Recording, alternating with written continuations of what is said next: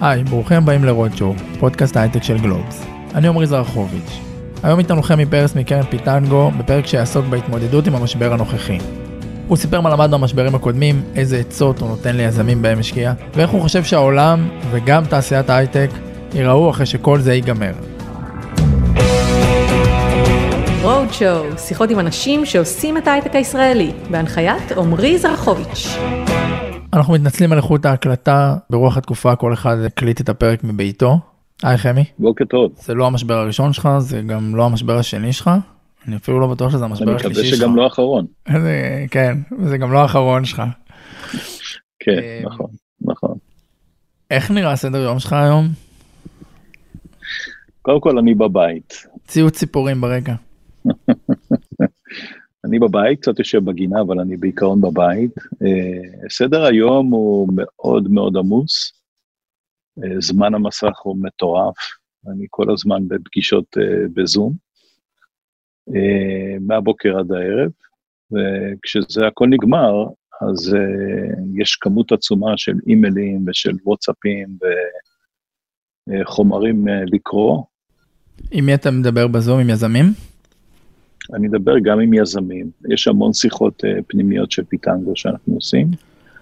Uh, מה שאנחנו עשינו, אנחנו החלטנו שהכלל הראשון אומר שלמרות שכולם בבית וכולם לבד, אנחנו עובדים הכי טוב ביחד. אז uh, חילקנו בעצם את היום, חמש, חמשת הימים בשבוע, שיום ראשון אנחנו מתנהלים כרגיל כמו תמיד. מה שאנחנו עושים זה בדרך כלל ישיבות של deal flow, ישיבות שותפים, ואנחנו uh, מקבלים את ההחלטות גם לגבי ההתנהלות של הפורטפוליו הרגיל, אבל גם השקעות חדשות, גיוסי קרנות, כל מה שצריך. אז זה ממשיך כרגיל, רק שעושים את זה בזום. וזה באמת, אם במשרד זה היה פשוט back to back, אז עכשיו זה זום back to back. Uh, ימי שני מוקדשים למצגות של חברות, גם חברות חדשות, גם uh, מצגות ששותפים רוצים לעשות. או לראות חברות אה, פורטפוליו שנמצאות בתהליך כזה או תהליך אחר. יום שלישי אה, זה יום שהפגישה העיקרית בו היא פגישה של כל הצוות המקצועי של פיטנגו, כל מי שעוסק בהשקעות ובאקסקיושן. אה, יום רביעי זה יום שהוא מיועד לקבוצות עבודה קטנות מיוחדות בנושאים ורטיקליים, כמו למשל value creation או דברים שקשורים ל-marketing. או דברים שקשורים uh, לנושאים של impact uh, ו-sustainability. יום חמישי זה יום שאנחנו עושים, uh, אנחנו עושים בעצם all hands, זו פגישה שכולם משתתפים בה, כל מי שעובד בפיטנגו, ואנחנו נותנים עדכון, קצת מה קורה בחברה ודברים חדשים שקורים, אנחנו מקשיבים קצת. זה נשמע שהכל כרגיל. אנחנו משתדלים לעשות את זה הכי אה, רגיל שאפשר, רק שצריך לזכור שהרוב מתרחש על הרשת, משרד אה, באופן עקרוני סגור, אז זה אה, קצת נורמלי, לא נורמלי. אבל אין לכם איזה מרתון שיחות עם יזמים והתייעצויות מהבוקר עד הערב? אז יש לנו uh, שני מודים של פעולה, אחד זה וובינארים, שבהם אנחנו עושים מרתונים, uh, למשל רותם קציר, שהיא ה-Head of People אצלנו, uh, עושה מרתון בכל הנושא של תעסוקה, קיצוצים, איך uh, מטפלים ומשמרים בעובדים, איך דואגים לאנשים בחברות, איך מתנהלים uh, מהבית, uh, אנחנו נותנים כלים אופרטיביים איך לעשות את זה בצורה טובה ביותר.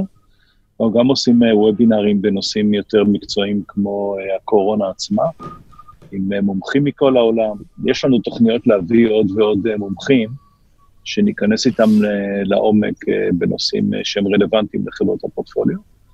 מלבד זאת, כל אחד עובד, ב, כל אחד ואחת מאיתנו עובד ברמת הדירקטוריון עם החברות פורטפוליו שלנו, אה, לוודא שכל חברה נוקטת בפעולות הנכונות ועושה את כל מה שצריך. אז יש גם כן. המון המון שיחות עם יזמים באחד על אחד. תספר לנו קצת על השיחות האלה, מה קורה בהן. בשיחות האלה אנחנו קודם כל שומעים uh, מהחברות uh, מהם הפעולות שהם uh, נקטו בהן. אנחנו מנסים להבין מה מטריד אותם. יש המון המון חוסר ודאות, בטח ליזמים צעירים שאף פעם לא נתקלו במצב של משבר, לא כל כך יודעים מה לעשות, לא תמיד יודעים איך לתעדף את הדברים, איך לתכנן. אה, ואנחנו אה, מנסים יחד איתם גם לשתף במה שאנחנו רואים בחברות חדשות אחרות שקורות, וגם מהניסיון שלנו.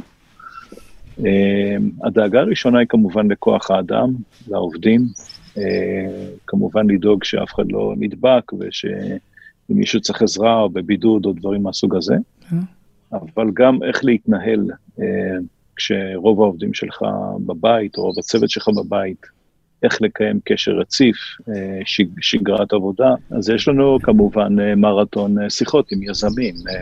אנחנו כל הזמן בטלפונים, מדברים איתם.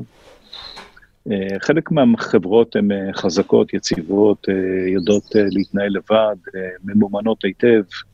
המודל העסקי שלהם ממשיך לעבוד בלי הפרעה, אז שם צריך פחות עבודה, אבל בחברות היותר צעירות, בעיקר בחברות שהן בשלבים מוקדמים, uh, שם uh, נדרשת עבודת עומק יותר גדולה, גם בהתנהלות, גם במימון החברות, איך לתכנן קדימה, שם אנחנו משקיעים לא מעט זמן. אנחנו חלק מהדברים לוקחים לתוך פיטנגו, עושים גם דיונים פנימיים, אבל כל אחד מהשותפים עסוק מאוד בימים האלה.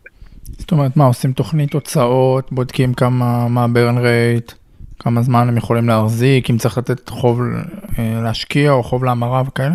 אה, יש אה, כל מיני דברים שהם עצות פרקטיות, למשל אם יש לך איזשהו venture lending, הלוואה שהיא עומדת, שאתה יכול למשוך אותה, אז אנחנו בדעה למשל למשוך את ההלוואה כדי שיהיה לך כסף, אפשר להחזיר אותה אחרי שהכל ייגמר, רק לוודא שיש לך את האמצעים להמשיך לשרוד. אנחנו, למשל, הדולר עולה, ויש חברות שיש להן הרבה הוצאות בארץ, אז אנחנו ממליצים בנקודת זמן מסוימת לממש את העלייה של הדולר, ולקבל את השקלים שאתה יכול אחר כך להתנהל איתם בארץ, אבל אלה הם דברים יותר טכניים, כן? מי שצריך עזרה יותר גדולה, מדבר כמובן עם ה-CFO שלנו. אבל uh, זה בעיקר בנושאים של איך מוציאים עובדים לחל"ת, האם לקצץ בשכר, האם לפטר אנשים, ואם כן, איך ומתי. Uh, צריך להסתכל גם, uh, לנסות לראות מתי יוצאים מהמשבר הזה. זה לא הולך להיות משבר של עשר שנים כנראה, זה לא דומה. למשברים של שנת 2000 ולא 2007 ולא 2008, זה משבר מסוג אחר לגמרי. ואנחנו, אני מעריך שאחרי שהכל ייגמר ואחרי שהעולם ישתלט על המגפה, אה, תהיה יציאה יחסית מהירה מהמשבר, ולכן העיקרון בעיניי הוא כרגע אה, לקנות זמן, להרוויח זמן, ואת זה אתה עושה אם אתה אה, חוסך בהוצאות שלך כמה שיותר. ממילא חלק מההוצאות ירדו, כי אנשים לא טסים, יש הרבה הוצאות שלא עושים עכשיו, הן לא רלוונטיות.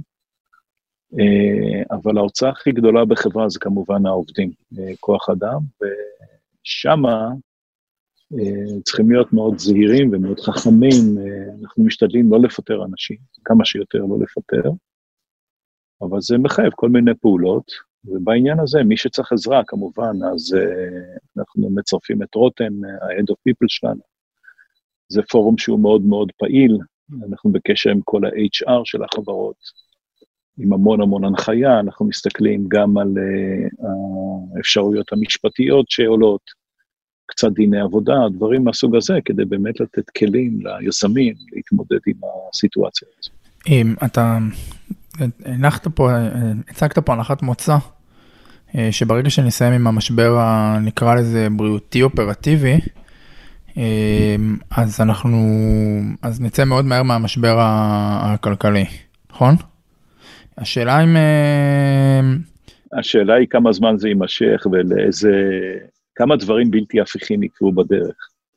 דברים שהם יהיו בלתי הפיכים, אז uh, אי אפשר יהיה להחזיר אותם אחורה, כן? חברות שהתמוטטו, uh, אי אפשר יהיה לקומם אותם uh, מחדש.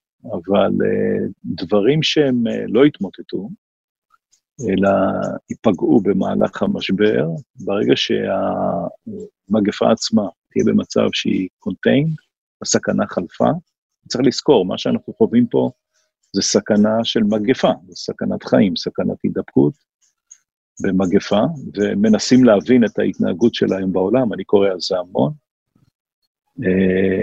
יש דעות לכאן או לכאן, אבל טבען של מגפות שהן מתחילות, עוסקות ודועכות, ואחרי שזה ייגמר, הסיבה לכל המשבר הכלכלי בסוף היא סיבה בריאותית, היא מתחילה בסיבה בריאותית, שמובילה, חושפת אחר כך הרבה מאוד עצבים אה, חשופים, אבל ברגע שהדבר הזה יהיה תחת שליטה מלאה, אני מאמין שהעולם יחזור, יהיה פרץ של, אה, אה, של בנייה מחדש. אני מאמין שלפנינו עשור, אם אתה מסתכל טווח ארוך, עשור מאוד מאוד חזק בחדשנות. מאוד מאוד חזק.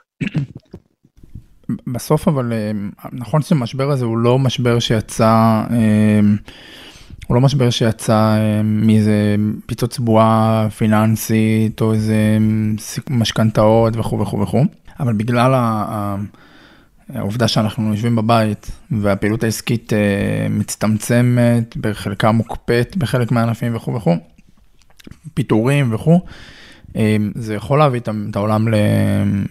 זאת אומרת, זה יביא את העולם כנראה למיתון וזה, והמשבר, השאלה אם זה משנה ממה המשבר נגרם, או שזה שעכשיו הולך להיות אה, מיתון, הוא לכשעצמו ייצור משבר כלכלי. תראה, אני מאמין שבניגוד למשברים אה, קודמים, אה, שלא ידענו לכמה זמן זה הולך, כשבשנת 2000 היה משבר הטלקום, ומשבר האינטרנט, והעולם נסגר ונכבה, והבורסה התמוטטה, ובאמת אה, דברים נוראים. וכולם הפסיקו להשקיע, וזה פגע בכל השרשרת, לכל האורך.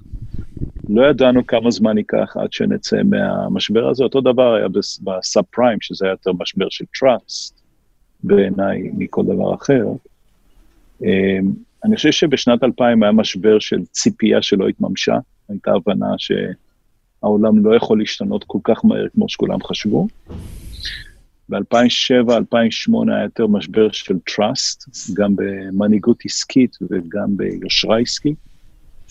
ואני חושב שהמשבר הזה הוא משבר של uh, מגפה רפואית, שאנחנו פתאום מבינים שאנחנו כעולם צריכים להתמודד עם uh, סכנה שהיא גלובלית, שהיא לא מבחינה איזה דרכון יש לך או באיזה מדינה אתה יושב, אה, לא משנה אם אתה יהודי או ערבי, או אם אתה מוסלמי או נוצרי, אם אתה אמריקאי או אירופאי או ישראלי, בסוף זה מגיע אליך וזה פוגע בך, וזה פוגע בכולם באותו אופן. והדבר הזה מחייב אה, בעצם שיתוף פעולה גלובלי, גם אה, העברת אינפורמציה, גם העברת אה, ידע, גם שיתוף בשיטות עבודה, גם התבוננות במנהיגות של כל מדינה ומדינה, לא רק האזרחים רואים את המנהיג שלהם, אלא בעצם המנהיגים חס... אני רואה את כל המנהיגים של העולם מתמודדים עם המגפה, אתה פתאום רואה אה, פה גם מבחן של מנהיגות גלובלית, איך מתמודדים עם המשבר הזה, אבל אתה מבין שאנחנו יוצאים מעולם של מלחמות בין מדינות, איפה שהאינובציה נדחפת על ידי צבאות, או צורך בהגנה, ופתאום אתה נכנס לעולם חדש, שבו הסכנות הן גלובליות, שיתוף הפעולה חייב להיות גלובלי, וביחד אנחנו נופלים או קמים. עכשיו, זה לא רק הנושא הרפואי, זה משפיע גם כלכלית, חברתית ופוליטית, המשבר הוא רב-ממדי. אבל דבר אחד ברור לכולם, אני חושב, שבסופו של דבר, מדובר פה במגפה, אה, עם כל האימפקט שיש לה כמובן על המישורים האחרים של החיים, יש פה מגפה שהיא פרצה בסוף 19, אה, היא כנראה תיגמר אה, בפרק זמן מסוים, שאני לא יודע להגיד עדיין מהו, אבל באינטואיציה שלי, הערכה שלי, שזה יהיה מוגבל בסופו של דבר למועד כזה או אחר, נניח לצורך העניין, עד סוף השנה או תחילת שנה הבאה, ולפי הדבר הזה, בעצם אתה, אה, אה, אתה מתייחס למשבר הזה בצורה טיפה שונה, כי אתה מבין שהוא אה, טיפה אחרת. בסופו של דבר, כש, כשנצא מהמשבר, אני חושב שהיכולת שלנו להתאושש תהיה יותר מהירה מאשר משברים שחווינו בעבר. דיברת על זה שב-2008 זה היה משבר אמון, זה היה משבר אמון, אני חושב, במערכת הפיננסית, אולי ברגולטורים. היה משבר, היה משבר אמון גם בהתנהלות, אה, היה שם, אה, אני חושב, תאוות בצע גלובלית, שגרמה לדברים שהם היו לא הגיוניים ברמה הכלכלית, וזה הביא לקריסה של חברות, זה חייב התערבות של ממשלות כמובן. אה, ואני חושב שמה שנחשף אז זה רמה של אה, מנהיגות אה, בתחום הכלכלי העסקי, שלא בנתה אמון, לא עוררה אמון גדול. זה המשבר שהוא, שהוא קשור יותר באופן שבו אנחנו מתנהלים. בוא נגיד, יותר משבר של התנהלות, בעיקר פיננסית, כמה סיכון אנחנו מוכנים להפיל על אנשים כדי להרוויח כסף.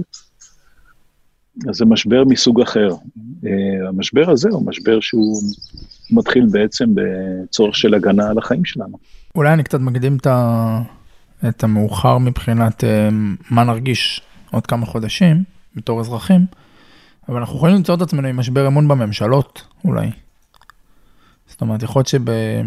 יכול להיות שנמצא את עצמנו עם משבר אמון בממשלות, או אה, בשיטה הכלכלית של אה, מדיניות רווחה מול מדיניות... אה, אמ, לא יודע, מה האחריות של מדינה, מדיניות ציבורית, כמה תקציבים ממשל, כאילו כמה חלק של הממשלה, אמ, גודל הממשלה.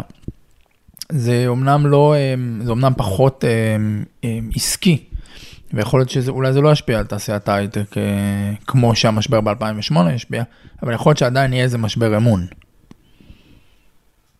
בטוח שיהיה משבר אה, אמון, אה, זה מתבקש, מפני שהנגיף הזה חושף בעצם את האופן שבו המערכות הרפואיות בכל מדינה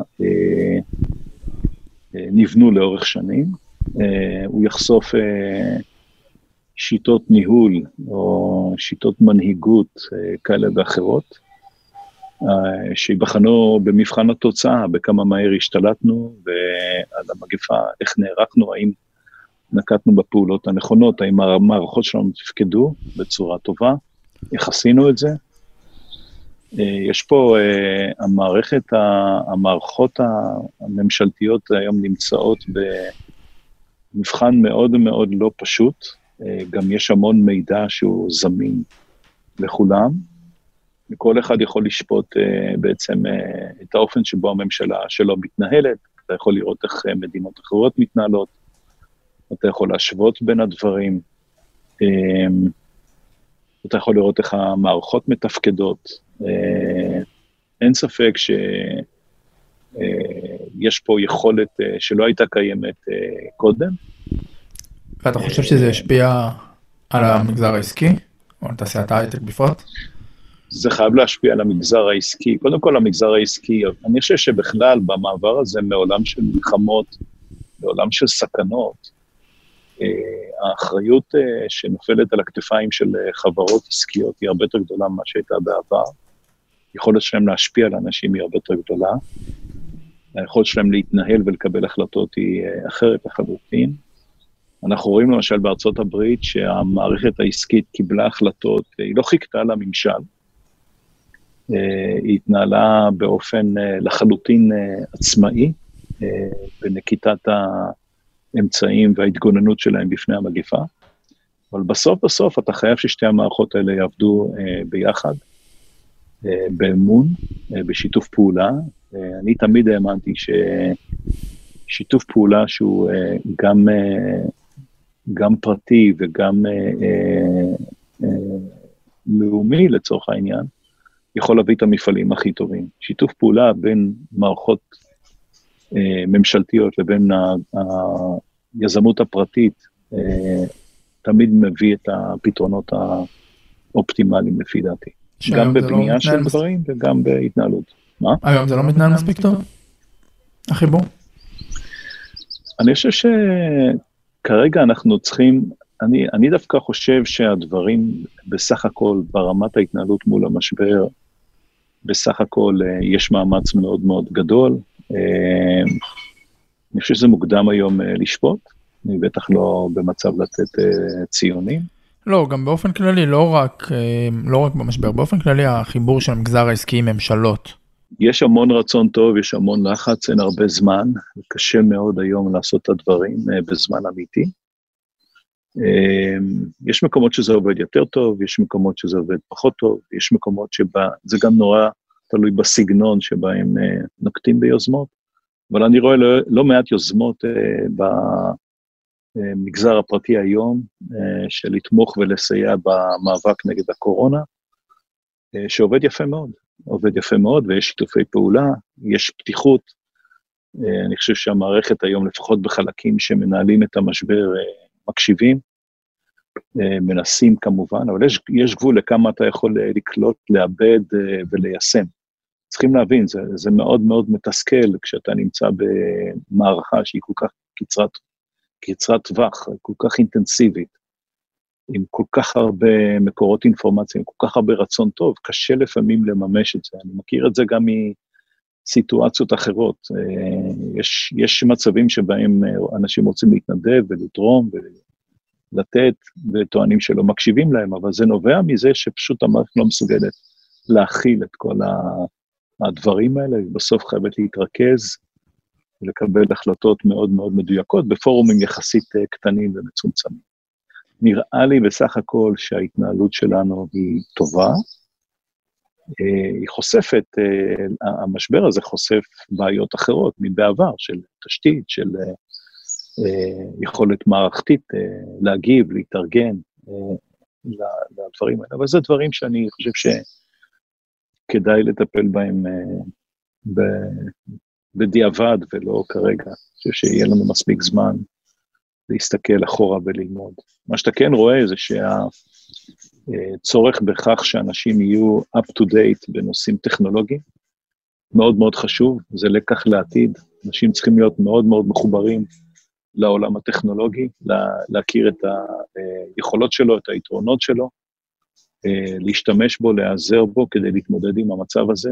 כמובן שכל מי שיש לו בבית רשתות, מחשבים, אה, אינטרנט אה, טוב אה, והבנה בסיסית בשימוש באפליקציות, קל לו יותר גם להבין מה קורה וגם להסתדר ולהתארגן. למעשה, כשאתה מסתכל על זה ברמה הפילוסופית יותר, אתה מבין שאם ניקח את עצמנו רגע אחד לפני הקורונה, העולם עסק במה יקרה שהרובוטים ייקחו את העבודה שלנו ויחליפו אותנו. ואני מסתכל על הקורונה ואני אומר, אתה יודע מה? הלוואי שרובוטים ואוטומציה יוכלו לקחת מאיתנו חלק גדול מהעבודה, כי אז לא היינו נכנסים למשבר כל כך גדול. תחשוב שרובוטים ומכונות יכולים להמשיך להפעיל את כל המפעלים ולייצר את כל מה שאנחנו צריכים כשאנחנו נמצאים בבית. אה, ואז בעצם השאלה הזאת של התעסוקה, המעבר של התעסוקה מבני אדם לרובוטים, פתאום נכנס איזו הפרעה שנקראת אה, הנגיף הזה, של הקורונה, ופתאום אתה רואה שאנשים יושבים בבית וממשיכים אה, לנהל את העבודה, את העולם, את החיים, בדרך שלא תכננו אותה, לגמרי חדשה. זה מחייב, אה, זה מחייב מחשבה לגבי העתיד. יש איזה נקודה שאני רוצה לחזור אליה. אמ, האם זה משנה מה גרם למשבר? הרי בסוף, אם יהיה מיתון, אז אה, אתה יודע, לקוח, לקוחות, גם אנשים פרטיים וגם עסקים יקנו פחות, יהיו יותר מפוטרים. יהיה פחות תקציבים, אנשים בגדול 2020 כנראה מפוספסת מבחינה, אה, מבחינת אה, הכנסות ויעדים. האם זה משנה מה גרם למשבר במקור? או זה שאתה יודע, יש את המשבר, הוא קרה, התפוצץ, לא משנה עכשיו מה הטריגר שלו, ואז אתה אומר לעצמך, אוקיי, אנחנו במצב כלכלי במיתון. האם זה, אנחנו לא, האם אנחנו נחזור לנקודת ההתחלה? לא. זה לא כאילו אולד של שנה, אלא אחרי האולד הזה של האופרטיבי בריאותי יהיה מצב כלכלי. תשמע, באף משבר אנשים לא נפגעים באותה, באותה מידה. אה, חברה שנפגעה אה, במשבר הזה והגיעה לסוף דרכה, זה כבר בשלב מסוים לא חשוב אה, מאיפה זה התחיל, כי לא תהיה לה תקומה. אבל uh, יש משמעות מאוד מאוד גדולה ממה המשבר התחיל, יש משמעות מאוד גדולה איך הוא מתגלגל, uh, יש משמעות מאוד גדולה איך יוצאים ממנו. Uh, ובגדול, יש חברות בעידן הזה שהן לא נפגעות במשבר הזה, הן אפילו מתחזקות, מפני שהמודל העסקי שלהם, או המוצר שלהם, או האופן התנהלות שלהם, או הביקוש למוצר שלהם הוא כזה, שמחזיק אותם uh, מעל המים ברמה טובה, ואפילו יש כאלה שצומחים. אנחנו עושים את השיחה הזאת על זום, זה ברור שזום היא אחת החברות שצומחת במשבר הזה. נכון, יש גם חברות שנהנות uh, זמנית, בגלל ש... בגלל שאתה לא יכול ללכת למסעדה, אז חברות משלוחים מרוויחות, יכול להיות שזה לא אומר כלום עליהן. נכון, ויש הרבה חברות שמתאימות את עצמם לעידן החדש, ומצליחות uh, לשרוד ומצליחות להשתפר, ויש כאלה שלא יכולות באופן אינהרנטי uh, לעשות את זה, ועבורם uh, המשבר הזה, הוא יכול להיות מאוד מאוד קטלני. יש משמעות ל, ל, מאיפה זה מתחיל.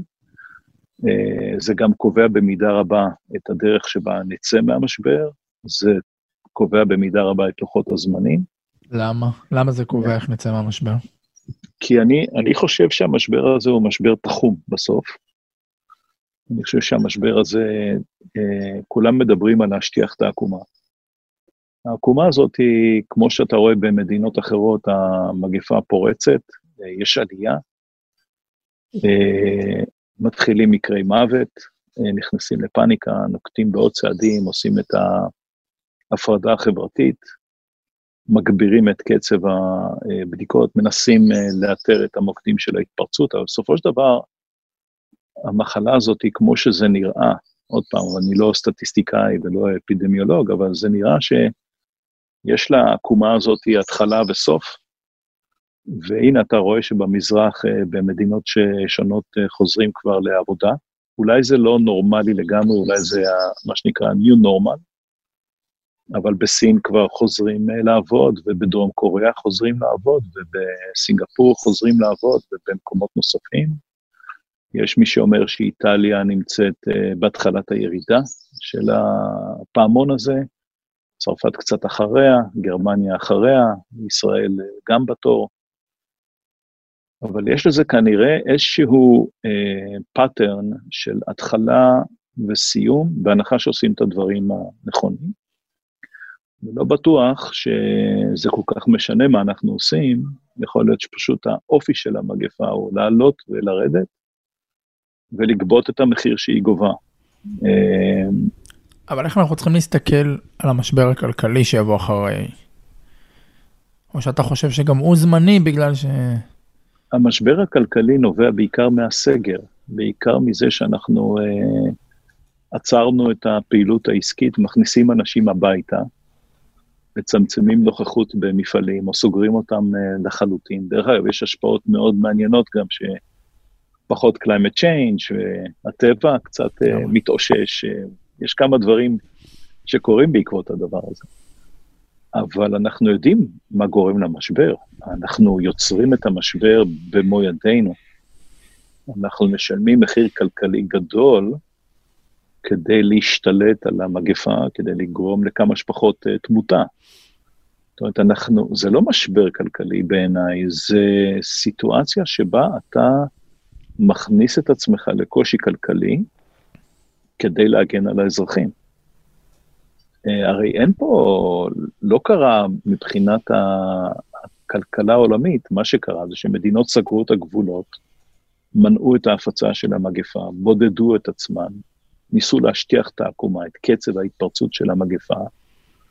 ברגע שאתה סוגר את הגבולות, אתה פוגע בתעשייה מאוד ברורה, שזה תעשיית ה-travel, אה, טיסות, אה, מלונות, מיד כולם נפגעים מהדבר הזה. אבל למה עשינו את זה? עשינו את זה, אלה היו החלטות מושכלות של מדינות ושל ממשלות כדי להגן על האזרחים שלהם. נכון, אבל לצורך העניין אה, יכול להיות ש... שהדבר הזה מוליד משבר, הדבר הזה מוליד נכון. משבר שהוא יכול להיות מאוד מאוד גדול. לכן אני חושב שיש חשיבות כמה שיותר להשתמש בשיתוף פעולה גלובלי, בהעברת מידע, בלמידה איך משתלטים על המגפה הזאת, מה נכון לעשות, מה הקונספציה הנכונה. אה, אני חושב שישראל נקטה בפעולות נכונות, אם אתה שואל אותי. גם ה-social distancing וגם ניסיון לאתר את מוקדי המגפה.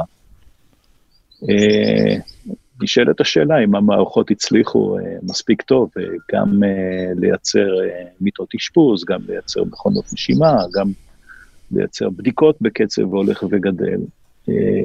אבל אלה שאלות שנשאל אותן אחר כך. לא, אני פשוט חושב ש...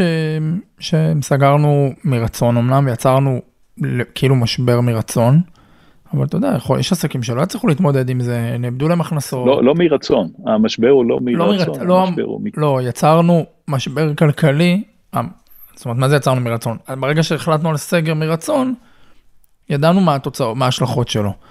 אה, ועדיין העדפנו את זה, כי עדיין אנחנו חושבים שזה יותר טוב וזה בסדר. אבל עדיין יכול להיות שיש עסקים שלא יצליחו להתמודד עם התקופה הזאת שבה לא היה להם הכנסות, וזה דבר שיכול ליצור איזשהו אה, דומינו, משהו. ברור אה, לחלוטין, זה אחד הדברים שנצטרך לחשוב עליהם בעבר, כי זה לא תהיה המגפה האחרונה, זה לא תהיה הסכנה הגלובלית שתאלץ אותנו להגיב בצורה כל כך אינטנסיבית.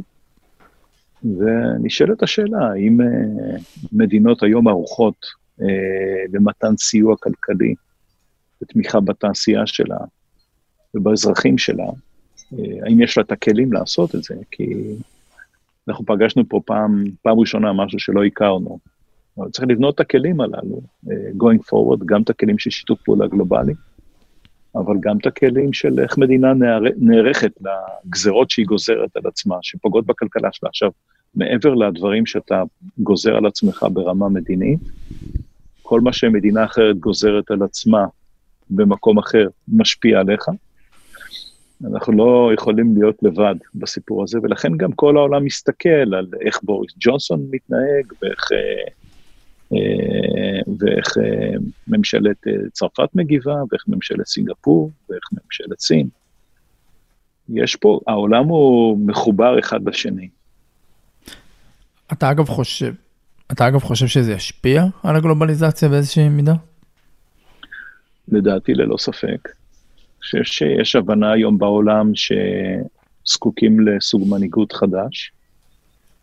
אמ, אני חושב שיש פה גם סוג של אה, התבוננות על איך אה, מנהיגים ניהלו את המשבר הזה, אה, באיזה אופן הם הגיבו, כמה הם נשענו על מידע, כמה פרוססס הם עשו, כמה הם שלפו מול כמה הם באמת עבדו בצורה סיסטמטית, כמה הם היו באמת משרתי ציבור וכמה הם היו מין מגלומנים שחשבו שהם מבינים מה קורה בלי להבין.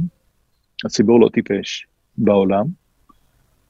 הציבור מבין איזה מדינות פעלו נכון, איזה מדינות פעלו לא נכון. ואני חושב שזה ישפיע על בחירות של מנהיגים. אה, כי זה פוגע בכלכלה וזה פוגע בחיים של אנשים, וזה מבחן שמנהיגים אה, יצטרכו לעמוד בו. איזה סוג אה, מנהיג אתה, האם אתה מתאים לעידן החדש הזה, או שאתה לא מתאים לעידן החדש. אני יוצא לגמרי מה, מההייטק, אבל יכול להיות שנצטרך גם מודל אחר של מדינה? אולי שהגושים יהיו יותר חזקים, לא יודע, איחוד אירופי וזה. אלה הן שאלות uh, מאוד ארוכות uh, טווח. Uh, אני חושב שבאופן עקרוני הרעיון שבני אדם מאורגנים במסגרות ימשיך להתקיים, זה גם מה שיאפשר לנו לתפקד. אבל אין ספק שיכולתן של חברות גדולות להשפיע על מהלך העניינים הוא הרבה יותר גדול ממה שהוא היה בעבר. חברות עסקיות? ארגונים, אה, כן, גם ארגונים עסקיים אה, גדולים. אולי ניתן לענקיות לשלוט פה. יכול להיות שהן כבר שולטות. כן. אבל אה, יש בטח שיתוף פעולה, הייתי קורא לזה שיתוף פעולה חדש בין מסגרות של מדינות לבין מסגרות של אה, חברות עסקיות, אה, צריכה, צריכה להיכתב אמנה מחודשת, אה, כללי משחק חדשים. אין ספק, ה-World Governance מאוד מאוד השתנה. אני היום כאזרח שרואה מה שקורה ועוקב אחרי המגפה מההתחלה, אנחנו בפיטנגו החלטנו בעצם לעבור לעבודה מהבית עוד הרבה לפני שהודיעו באמצעי התקשורת שזה מה שצריך לעשות. הידע נמצא אצלנו, היכולת שלנו לקבל החלטה ולפעול. זה לא רק אנחנו, זה הרבה נכון. מאוד חברות שמנעו פה גם משבר עוד יותר גדול ממה שקורה פה. נכון. אבל יש, יש חברות שלא מסוגלות לעמוד במשבר הזה בלי תמיכה ממשלתית. הן לא יכולות לעבור אותו, לא, לא משנה מה הם יעשו, אה, כי פשוט הביזנס שלהם נגמר. אם אתה חברת תעופה ואין יותר טיסות, אה, מה תעשה? אה, בוא נחזור קצת אליך ולניסיון שלך ולהייטק. מה למדת במשברים קודמים שמשרת אותך עכשיו? הדברים שלמדתי ממשברים קודמים שהם אה, מאוד רלוונטיים למשבר הזה, זה קודם כל, כשאתה מקים חברה ומפתח מוצר, אתה צריך לחשוב טוב, טוב, טוב, טוב, על אה, כמה המוצר הזה באמת נחוץ, כמה הוא באמת אה, חשוב, איך הדירוג שלו ב, ב, בעיני הלקוחות שלך, האם אתה תהיה הדבר האחרון שהם יוותרו עליו, או הדבר הראשון שהם יוותרו עליו.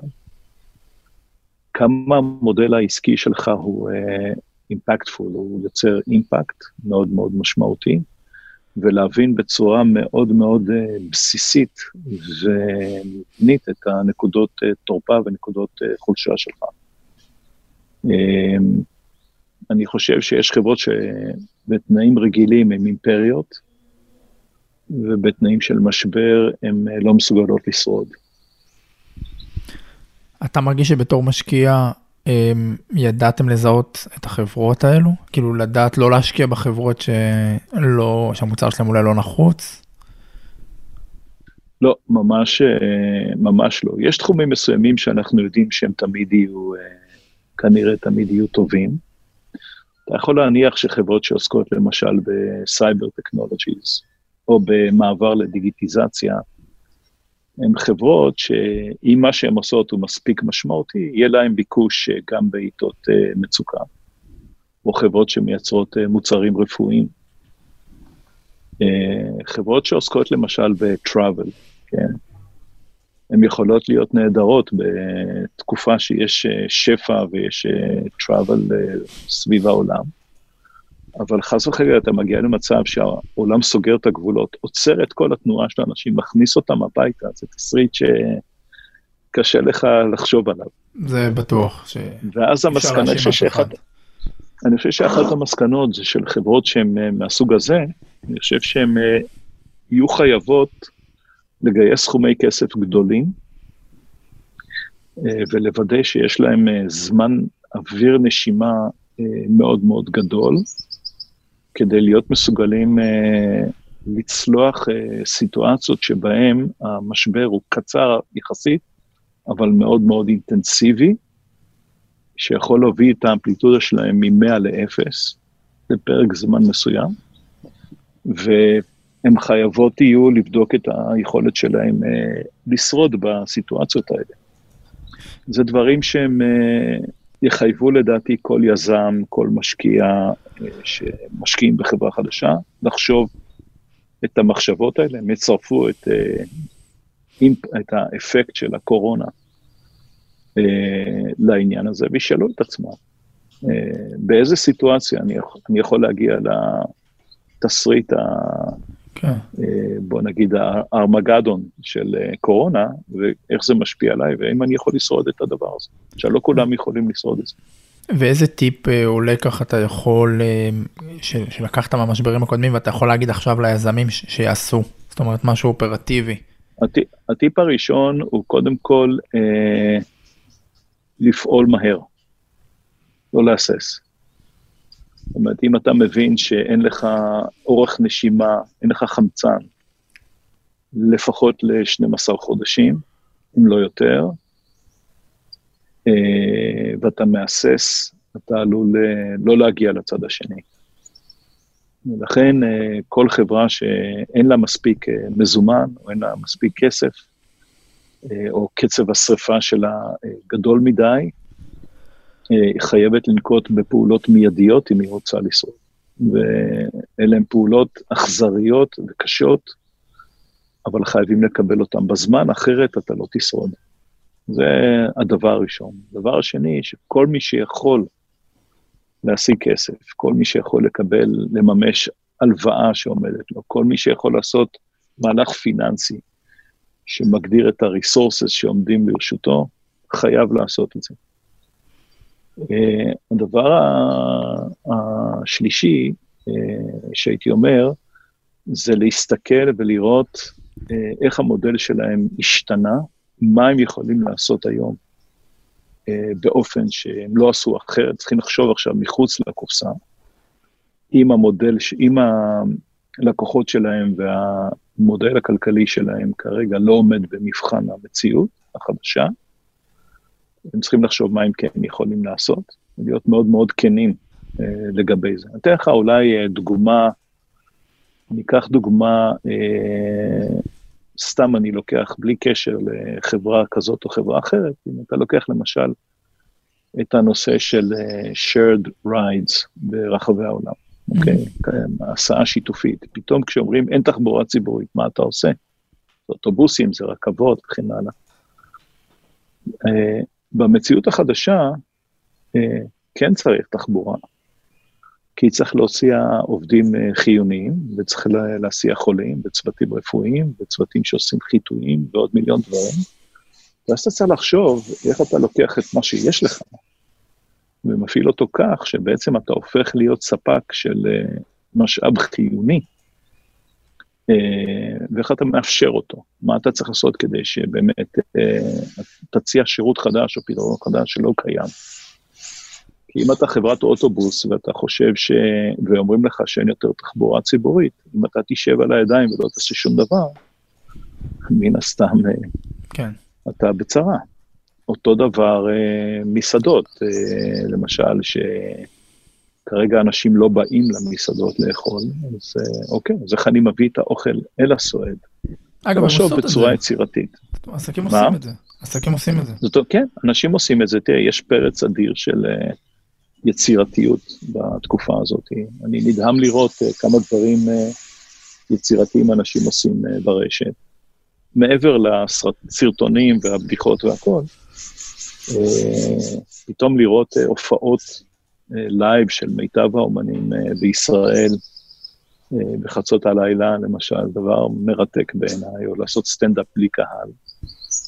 אה, או פתאום מערכת החינוך עברה פתאום לשירותים מקוונים, אתה יודע, שנים חשבו איך עושים את זה, ופתאום כן. בבת אחת כולם נמצאים שם. הם עדיין מנסים להבין איך עושים את זה. כן, איך אנשים אה, לוקחים את הביזנס שלהם ומשתמשים בו, ב, משתמשים בכלים שעומדים לרשותם כרגע. צריך להיות מאוד מאוד יצירתיים.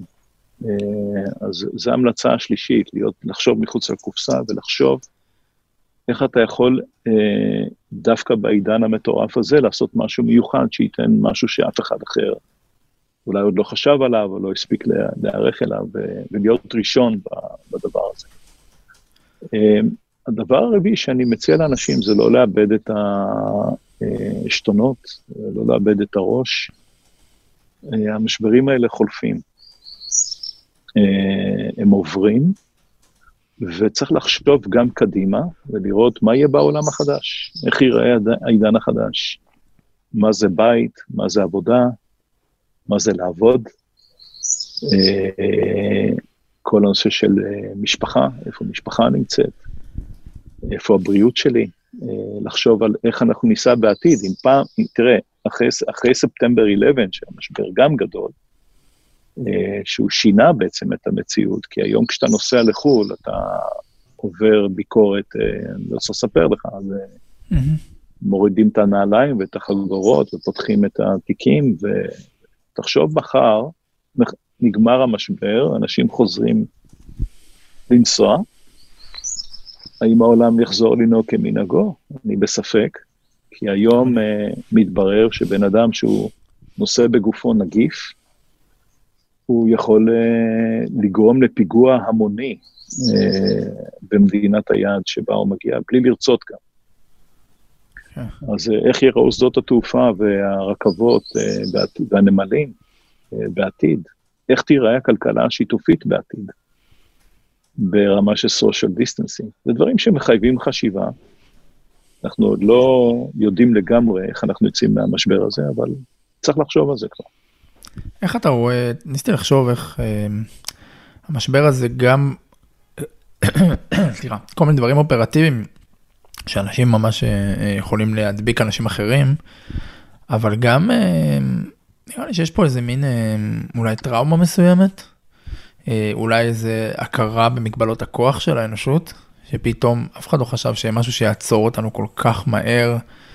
אה, בטח בעולם ההייטק, שאנשים חושבים שיש איזה מין תחושה שאתה יכול לפתור הכל. השאלה היא שאלה פילוסופית ואני מודה שלי אין תשובה עליה או מחשבות, איך זה ישפיע בצורה כאילו עמוקה על תעשיית ההייטק.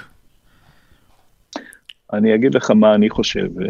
קודם כל, אתה צודק, המשבר הזה גורם לנו להבין כמה אנחנו שבירים, כמה הסכנה, תראה, זה אויב שאנחנו לא רואים אותו, זה אויב בגודל הכי קטן אי פעם שהיה, אין לו צבא, אין לו תוכנית אסטרטגית להשמדת העולם, אבל בתוך פרק זמן קצר הוא ב-160 מדינות, מאות אלפי אנשים נפגעים, עשרות אלפים מתים, אפס תקציב, אפס אנרגיה, אפס אמצעים, והוא גורם למשבר מאוד עמוק, שגם אנחנו מכניסים את עצמנו למשבר הזה. כי באופן עקרוני יכולנו להגיד, שמע, בוא נתנהל, כמו שהבריטים חשבו בהתחלה, בוא נתנהל רגיל. לא יהיה משבר. אז, אה, אבל אה, היה ברור מהר מאוד שמערכות הבריאות יקרסו, ובעקבות זה כן יהיה משבר. אז כבר בוא, כבר בוא נייצר את המשבר בצורה שהיא לכאורה נשלטת, אבל היא לא באמת נשלטת. אני חושב שזה צריך לגרום לכולנו להיות הרבה יותר uh, humble, הרבה יותר צנועים.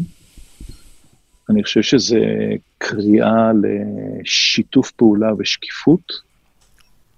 אני חושב שגם המנהיגים צריכים להבין שכוחם מאוד מאוד מאוד מוגבל. וכוחנו רק בשיתוף פעולה, כן, כן. רק בעבודה משותפת, ביחד.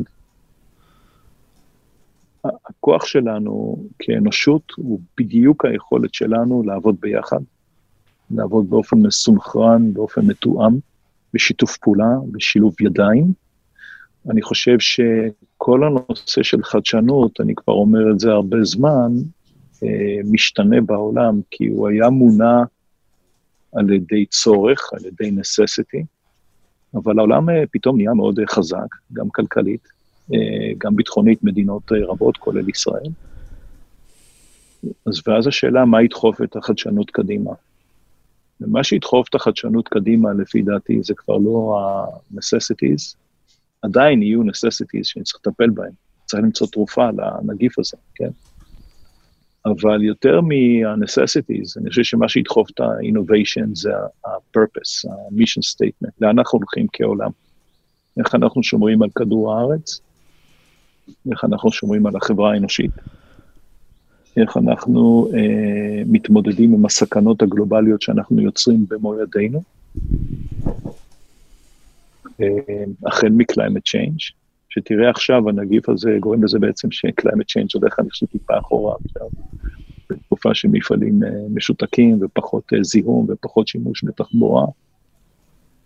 איך אנחנו מגנים על כדור הארץ? אנחנו מוצאים את האיזון הזה שמגן עלינו.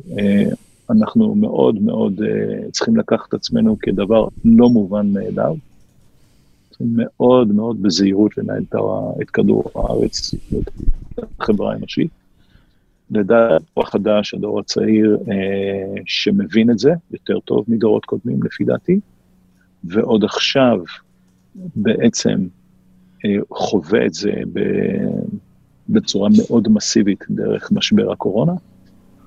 אה, ייקח את הנושא הזה למימד חדש של innovation in purpose, עם אימפקט, עם uh, שיתוף פעולה, עם שילוב ידיים, עם פתיחות, עם uh, שקיפות מלאה, עם פרוססס uh, שהם דמוקרטיים, מנהיגות שיותר משרתת, תשתיתית, השקעות שהן יותר ערכיות, לפי דעתי, כנס, לדעתי אנחנו בנקודת מפנה מאוד משמעותית בעולם. זה מעניין מה שאתה אומר, אתה בעצם, בעצם יכול להיות שאולי אני אעשה לך קצת פרשנות לדברים, אבל יכול להיות שאנחנו נמצא את הזמן עם פחות כל מיני אפליקציות ומחש... ודברים שהם nice to have, ואולי משפרים את החוץ החיים שלנו, אבל הם כזה, ויותר אולי יגדל פה דור של יזמים שהאימפקט יותר חשוב לו, ננסה לפתור בעיות יותר גדולות באמת. אני חושב שלא תהיה לנו ברירה, לכן אולי זה כן necessity, אבל אנחנו חייבים למצוא כיוון. אי אפשר להתנהל יותר באופן נפרד, אנחנו תלויים אחד בשני, היכולת שלנו להשפיע לטוב או לרע הרבה יותר משמעותית. אנחנו צריכים קודים חדשים, הם, הקודים האלה כבר נבנים, כן? גם ה-17 Sustainability Goals ש, שפותח באו"ם, כל הנושא של לאמץ כללים של ESG, כל הנושא של להיות impactful או socially responsible בהשקעות שלך. אני חושב שזה מדבר הרבה יותר על הדור החדש, גם של יזמים. אני חושב שזה יאפשר לבנות חברות שהן יותר resilient, גם חברות אנושיות וגם חברות עסקיות, שהיכולת שלהם להגיב למשברים מהסוג הזה תהיה הרבה הרבה יותר טובה. אם תרצה, אולי זה סוג של מערכת חיסונית חדשה שאנחנו צריכים להזריק לעולם החדש. מעניין, אמרת צניעות, ויש איזה משהו בטבע של יזם, לא בהכרח צניעות, אבל מי חושב שהוא יכול, כאילו בלי שאתה תחשוב שאתה יכול לשנות את העולם, אז אתה קצת לא תצליח, ומעניין הצניעות הזאת, האם זה ישפיע גם על הדבר הזה ויכול גם אולי לפגוע. האלמנטים האלה של purpose, mission, direction,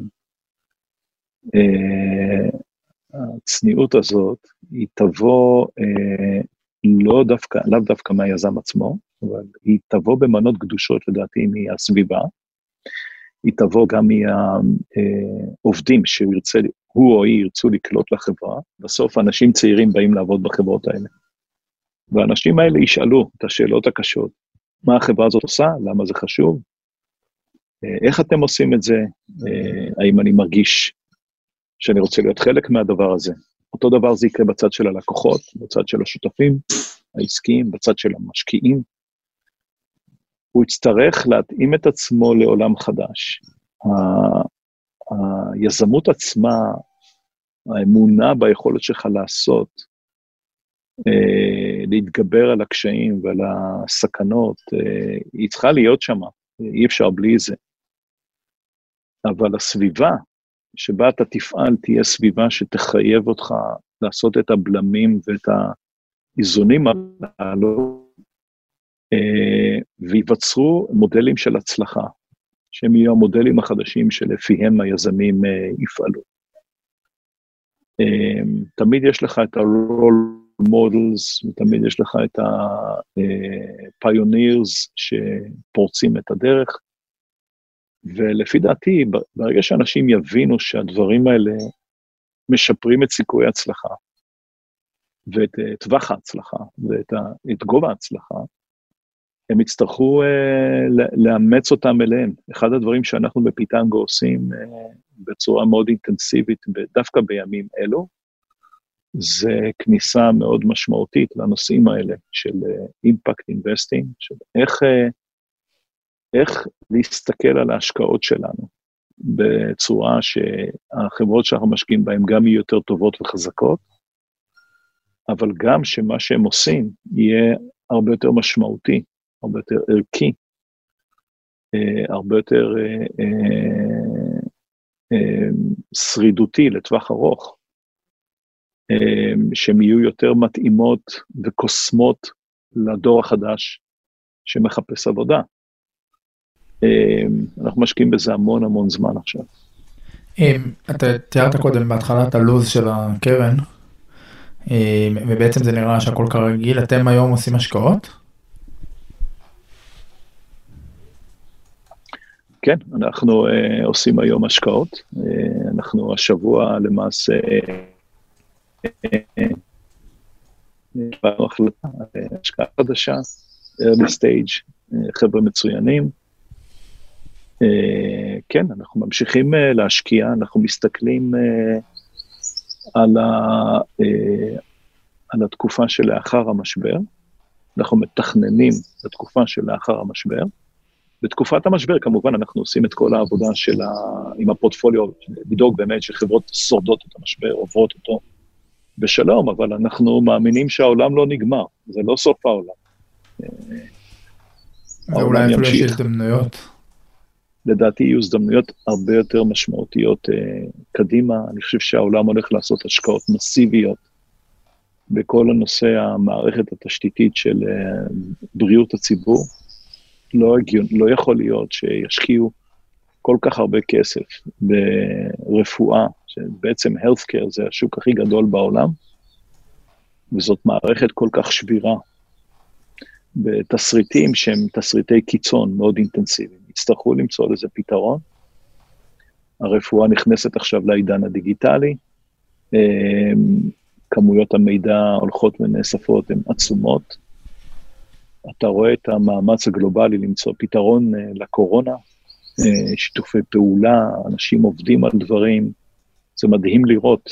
אה, כל העולם הזה הוא כמו רקמה מבעבעת של חדשנות, היא תמצא פתרון. אני היום, אין לי ספק שיהיה פתרון לקורונה.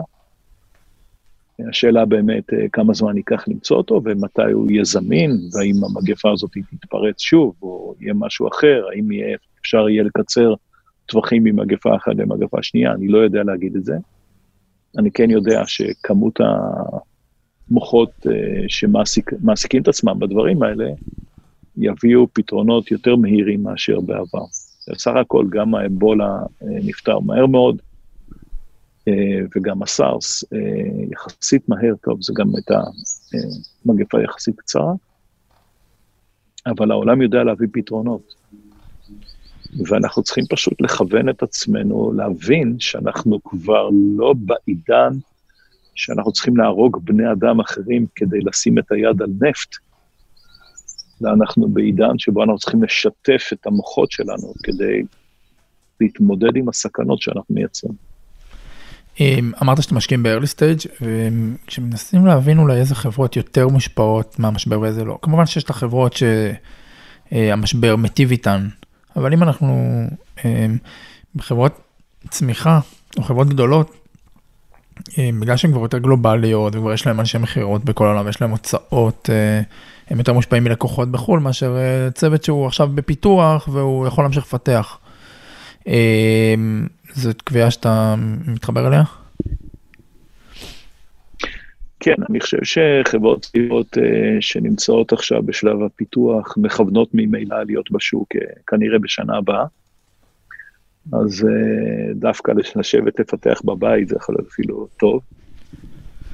Uh, אין ספק שהן uh, מתמודדות יותר עם uh, איך אני מגיע למיילסטון הבא שלי.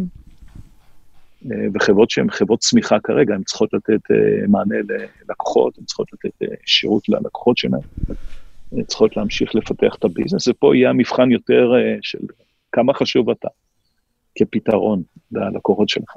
האם אתה פתרון שלא יוותרו עליו, ואז אתה יחסית במצב טוב במשבר, או אתה פתרון טוב, אבל תשמע, כרגע לא בדיוק צריכים את זה. זה לא בדיוק עובד חיוני, מה שנקרא. כן. אה, אז חברות שהן אה, טובות ושהן אה, עם פוטנציאל מאוד מאוד גדול, בדרך כלל גם הצליחו לגייס כספים בהיקפים משמעותיים. מי שיש לו כסף יצלח את המשבר הזה, כי העולם יחזור ויעבוד.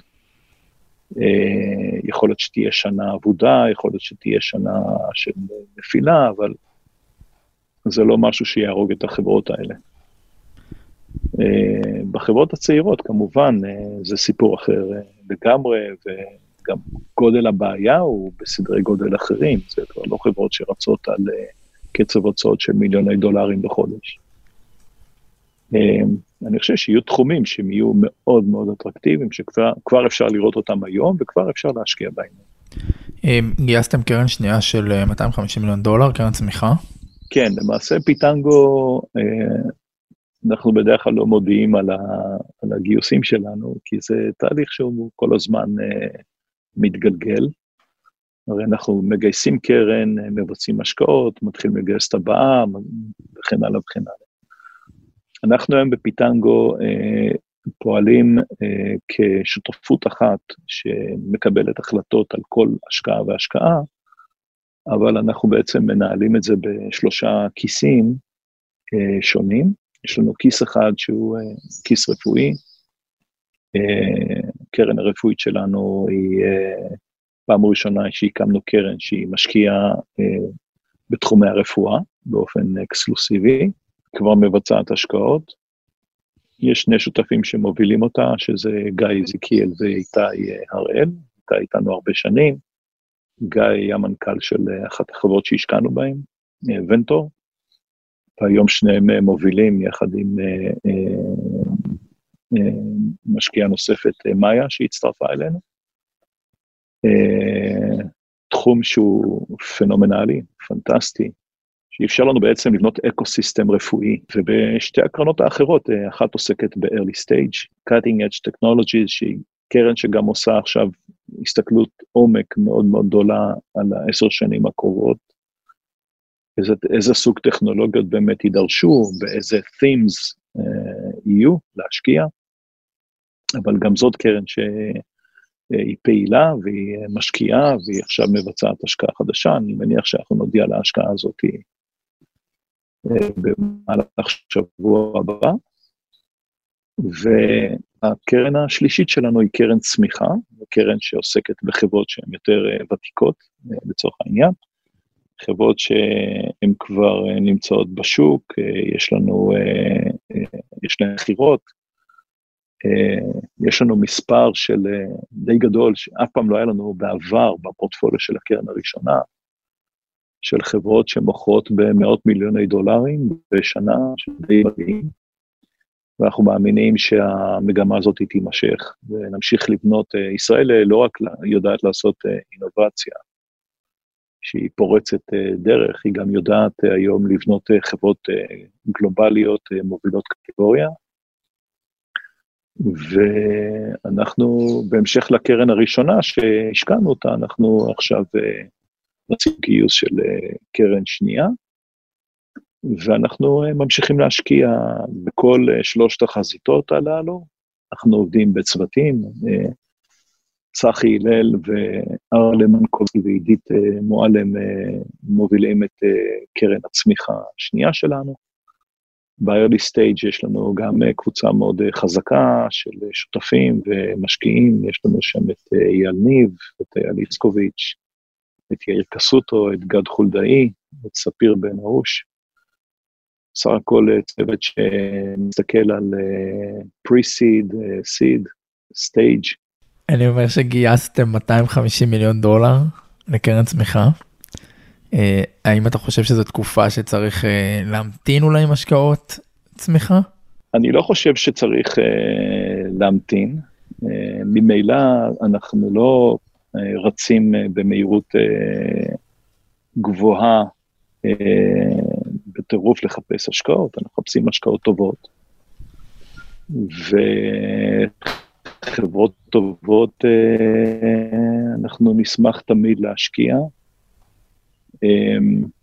אני חושב שסוג החברות שלנו מחפשים הן חברות שהן חזקות ויציבות אה, גם בתקופת המשבר.